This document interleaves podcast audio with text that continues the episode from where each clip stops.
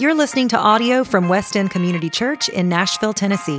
If you'd like to check out more great resources or make a donation to this ministry, please visit westendcc.org. Thanks for downloading, and we hope this encourages you today.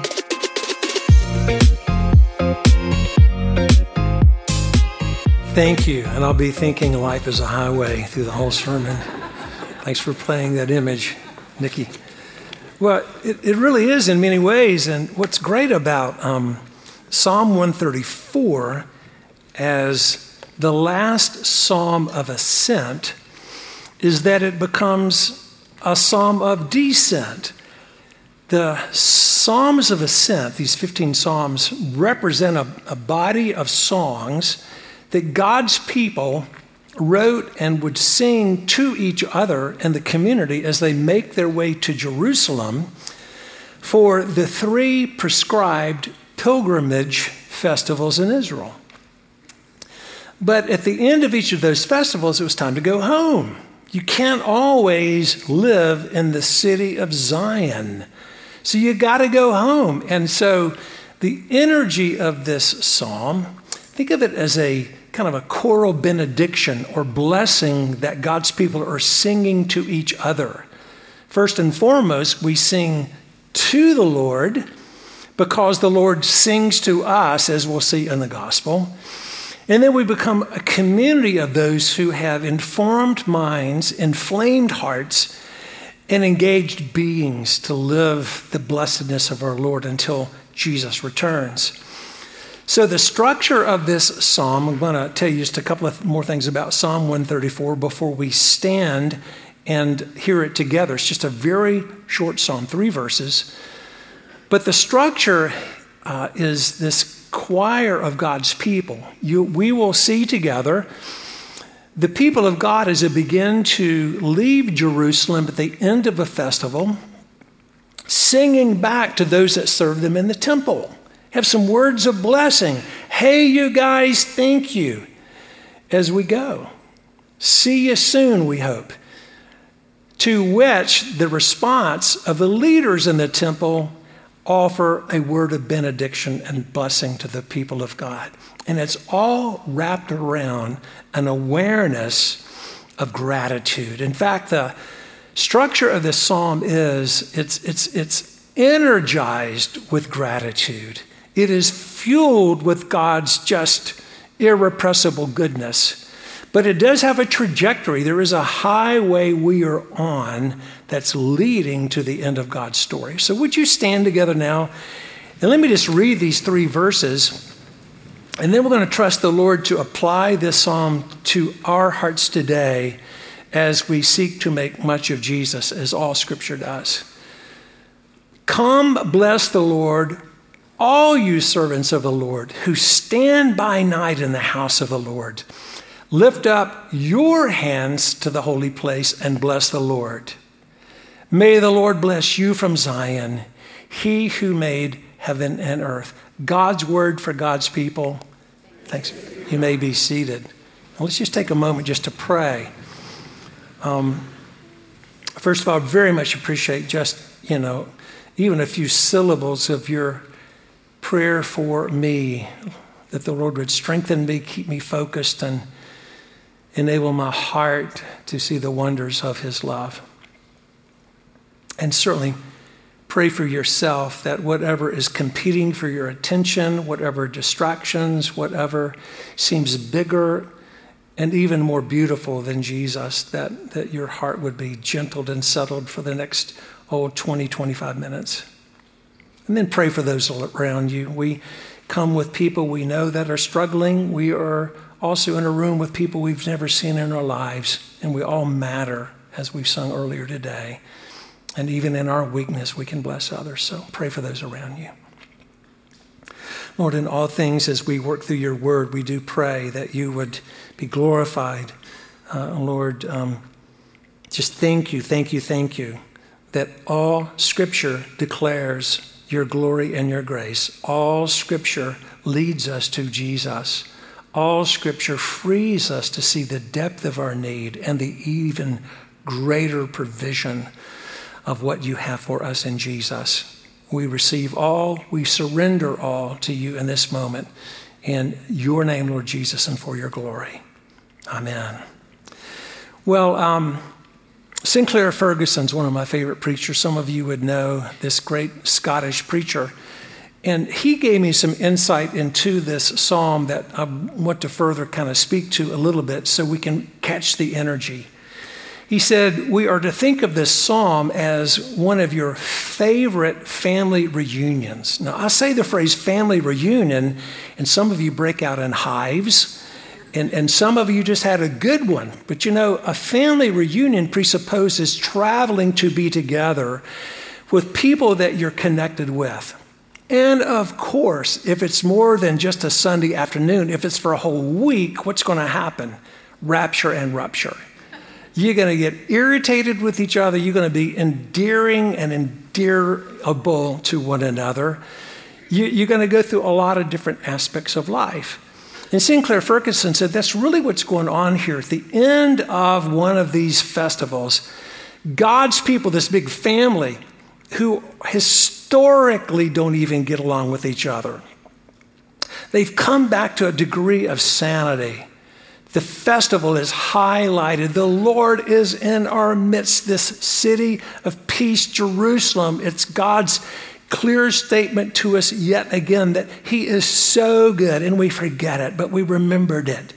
And as we prepare to go home, let's be grateful for what He has done. And let's learn this lifestyle of blessing the Lord and being a people of benediction to one another. And the word benediction just means blessing.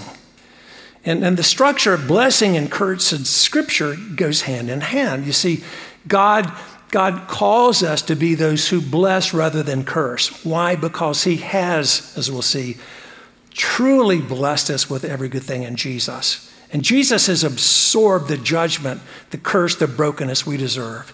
So let's just look at these verses together, three verses, and we're going to, first of all, in verses one and two, hear the people of God as they're saying goodbye. And, and they offer some real words of grace to those who have been serving them.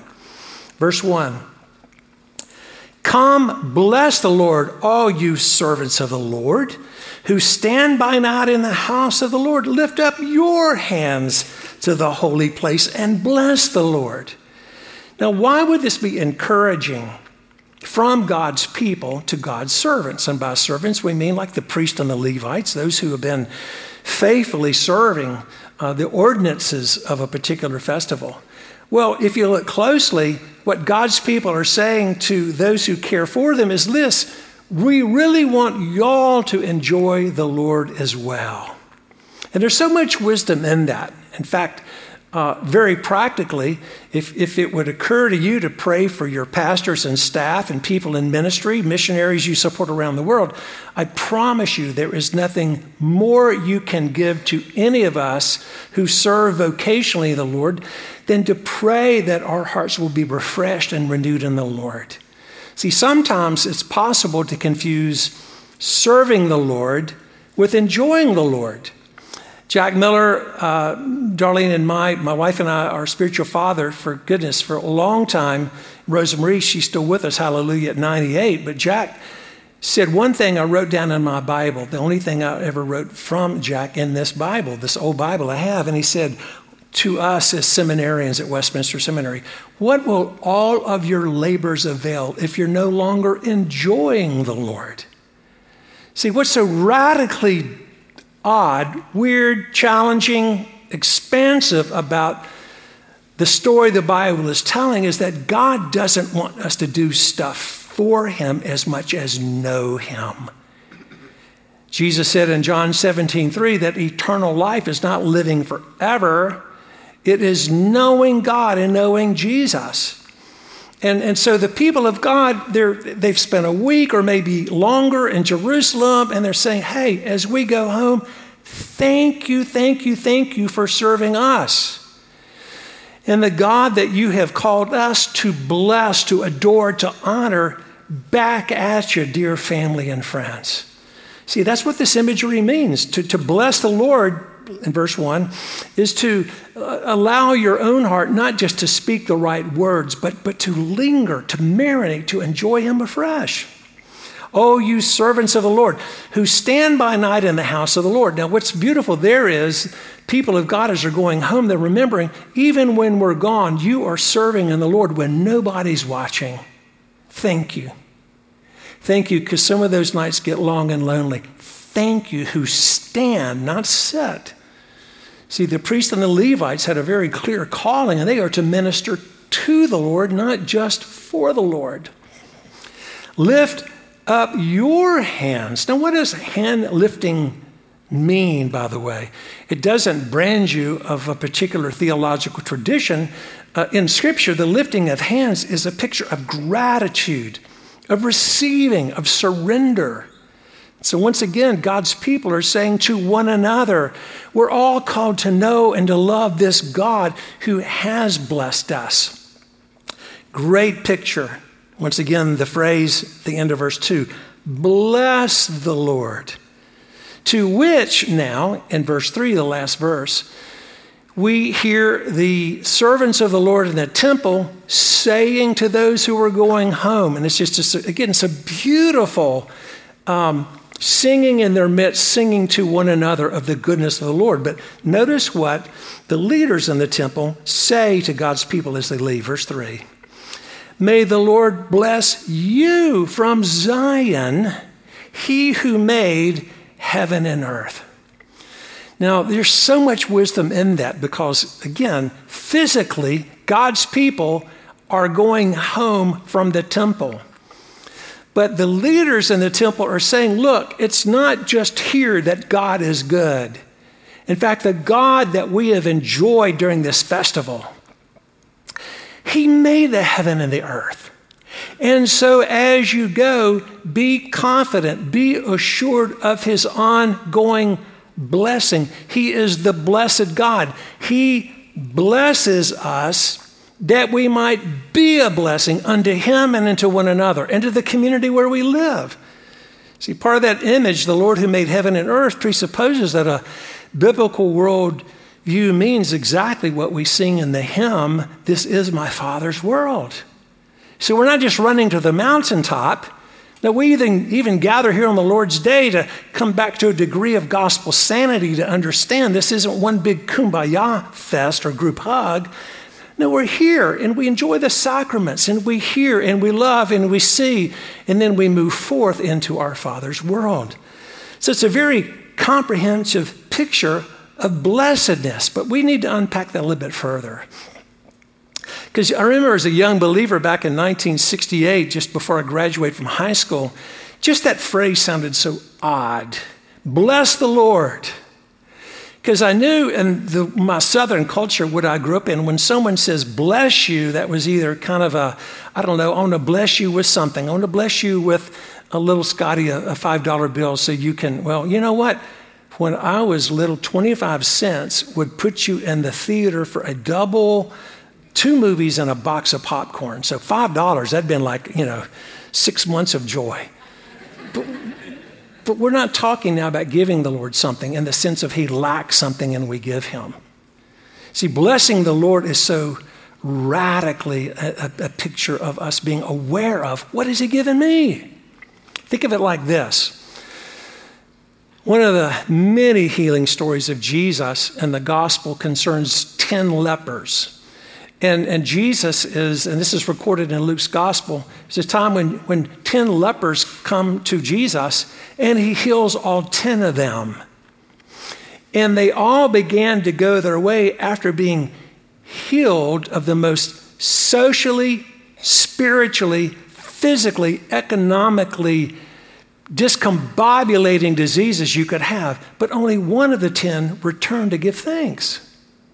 But see, that, that one who returned is a picture of what God wants us to understand about. You know what He wants for us more than anything else? Just to be aware of how much He loves us. It's why some of us really, really like singing that song, You Cannot Love Me Any More Than You Do.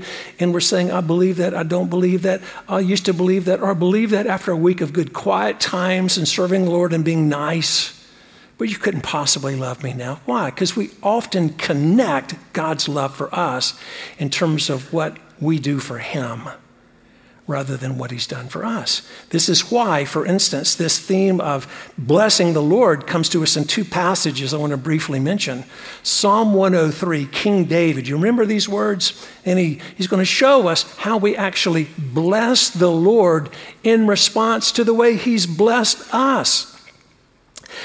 King David writes, Psalm 103, verse 1 Bless the Lord, O my soul, and everything that's within me. Bless his holy name. Bless the Lord, O my soul. And how do we do that? What's the energy? What's the fuel? And don't forget a single one of his benefits. Meaning this King David said, I, I want to sing to the Lord, not just about him, as I stay alive, or remember, or dare to believe that God loves like this. At the top of David's list, if you remember in Psalm 103, verse 1, what does he start with? You forgive all of my sins.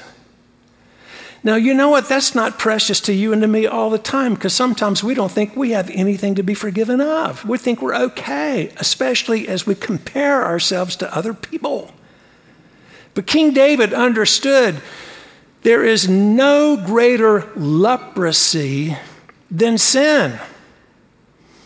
And sometimes you don't know how sick you really are. See, lepers lose all sense of touch and they're not even aware of pain until they bump into the implications of seeing people turn from them, run from them. King David says, Bless you, Lord. Lord, I want my heart to be filled with gratitude. I want to lift my whole being, not just my hands. I want to live my life. I, I, want to think in terms of responding with generosity to your subversive generosity. When we say God's generosity is subversive, what do we mean? It's just outlandish, it, it, it, it's, it's against all odds, it makes no sense. Because, like Paul writes in Romans chapter 4, verse 4, God justifies the wicked. That's how subversive it is. How can God justify wicked people? Because he condemned his own son in our place. Bless the Lord, oh my soul. You forgive all of my sins, not just the 4% I'm aware of. You heal all my diseases. That does not mean that if you have enough faith in any season of your life, you can claim a healing and export it into that moment now. Does God heal powerfully, instantaneously? Yes. Does he guarantee he will heal all of his people one day? Absolutely. And so there's a picture here of knowing you are such a good father, but every aspect of my being, not just where I sin and need mercy and grace, but where I'm broken, where I've brought sickness upon myself, where I have an, an incredible care for whatever I have gotten really, really broken. Lord, thank you, you care.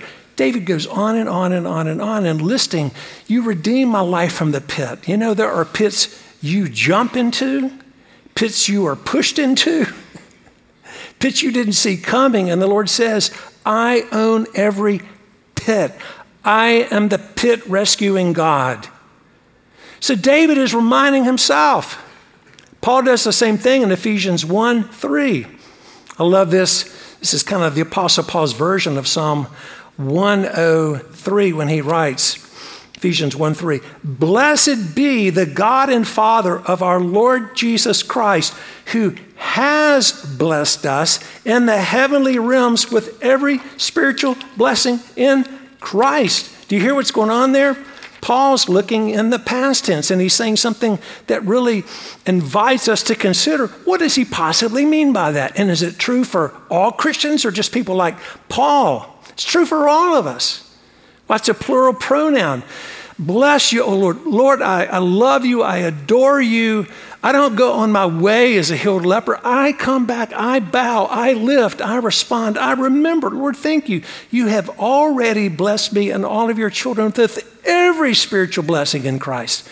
The in Christness means that God does not love you and me today to the extent that we are like Jesus, but to the extent that we are in Jesus. And let me ask you, Christian, how much of you is in Christ? 12%? 37%? I'm being silly, right? If you are a Christian, that defines you as a Christian. Your life is now hidden with Christ in God already. It's why when we think of Jesus, we think of the beloved Aaronic blessing. The Lord bless you and keep you. The Lord make his face shine upon you and give you peace. Remember that one? We can still use those very words. But because of Jesus, here's what we now can say The Lord has blessed you, and He will keep you. His face is already shining upon you, and it is a gaze of grace. Now go deal with it. That's not in the Greek. But it's sit in it. You, you, it's, the, the Bible's not saying you hold on, it's you are held fast. Nothing and no one can take you out of the hands of Jesus. There is an indelible, indelible ink of grace that has written your name in the Lamb's book of life. You could never write it. And so when we sing a song, several songs we sang today, when we sit in the implications of the scripture, when we see God's people who are enjoying that version of Zion, the city of the Lord, being a people of gratitude and need and coming back to know that to be with the Lord is to come alive yet again to His grace. How much more so is that true for you and for me? Because you see, in the gospel, Jesus fulfills every type and antitype. Or as Paul writes in 2 Corinthians 1, no matter how many promises God has made, they all find their yes in Jesus. So, what are a few of the blessings that are true of you right now, whether you believe it or not, if you're a Christian? What are, what are some things that are true of how the Lord has already blessed you? Well, we've already mentioned one you are completely forgiven. But also consider this your judgment day has already happened. It was called the cross. The fear of death no longer has a hold on you legally. Now, you may be afraid to die, right? But according to Scripture, Jesus came to set free those who all of their lives were held in captivity to the fear of death. Jesus removed the sting of death. Jesus robbed the grave of its victory. You have citizenship in heaven right now. And as we sang it, it's true because Jesus is your righteousness and not your second chance. It, it, it would be impossible for God to love you more than He does right now. Not a different version of you right now. Because He has presented Jesus as the utter satisfaction and delight of everything you need. Now, that leads us to the final part of the psalm. I want us to ponder a little bit here. And, and again, uh, I have preached myself into joy and exhaustion this morning because it's like I'm confronted with my own unbelief and my own thanksgiving for a salvation and a Savior that holds me even when I am weak.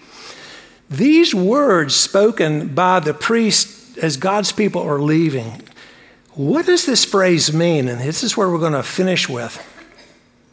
Remember what they said. This is like verse 3 May the Lord bless you from Zion. Okay, they're leaving the city.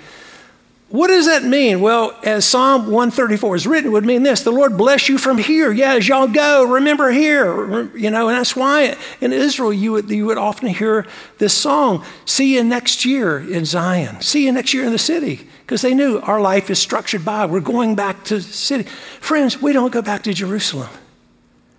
See, there's a past, present, and future of Zion in the Bible. And I've got some incredibly good news for you right now. You don't have to go anywhere to know the blessing of Zion. The writer of Hebrews puts it like this it's just amazing. This is Hebrews chapter 12. I'm going to begin reading at verse 22. Again, there's a past, present, and future of Zion. Best thing that could happen in the world would not be for the temple to be rebuilt in Jerusalem because Jesus is the temple. And now, in union with Him, we are living stones joined unto Him. It's why, right now, the writer of Hebrews says to you and to me of our experience right now of the Lord blessing us from Zion, it's above us, it's not behind us. Listen to this. You have come to Mount Zion. He's writing to believers from a Jewish background and a Gentile background. You have come to Mount Zion, to the heavenly Jerusalem, the city of the living God. You have come to thousands upon thousands of angels in joyful assembly, to the church of the firstborn whose names are written in heaven. That's you if you're a Christian. Your name is written in heaven already. You're already a part of, a citizen of the Zion that is above. Now, listen, this goes on. To the church of the firstborn whose names are written in heaven, you have come to God, the judge of all men, and to the spirits of righteous men made perfect.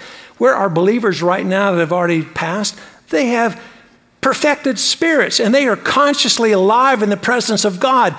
And this scripture is saying right now, our worship is a part of what's going on in heaven right now. This is where we actually are more than any mess that's grabbing your attention right now or any crazy that's going on or about to go on in our country. We are citizens of the only unshakable kingdom. Now, there's joyful assembly. He goes on. You have come to Jesus, the mediator of a new covenant, and to the sprinkled blood that speaks a better word than the blood of Abel. See, the whole book of Hebrews is saying, as you look at the God who blesses, he makes promises that anticipate Jesus. And precious friends, we are, we are the heirs of those promises. So Zion in the past said, God's faithful. He works in a real world to be a bigger redeemer than we ever imagined. Zion above is what? It really is a resurrected Jesus. And right now, the reality of what's going on in heaven, we have a wonderful, merciful high priest. The tomb is empty and the throne is occupied. But one last aspect. Do you know where the Bible finally says Zion, the final expression of Zion is? It's in the future. So when you and I today think about the Lord blessing us from Zion, always we should think about a person before a place. Jesus fulfills Zion, which is the presence of God, which is the unbroken, unbroken welcome, the utter delight of God. God's people would go back to Jerusalem to have these celebrations because they need to know, Lord, will you forgive sinners? He says, Yes, I do. We know that even more because of Jesus' life, death, and resurrection. But the best is yet to come. And precious friends, as we live in our world now, increasingly it's important for us to allow our hearts to begin to smell the grass of the future Zion. Where's that recorded for us? In the last two chapters of the Bible, which is not we're turning to now.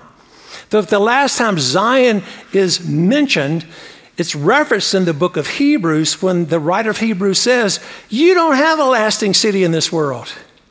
Give it up.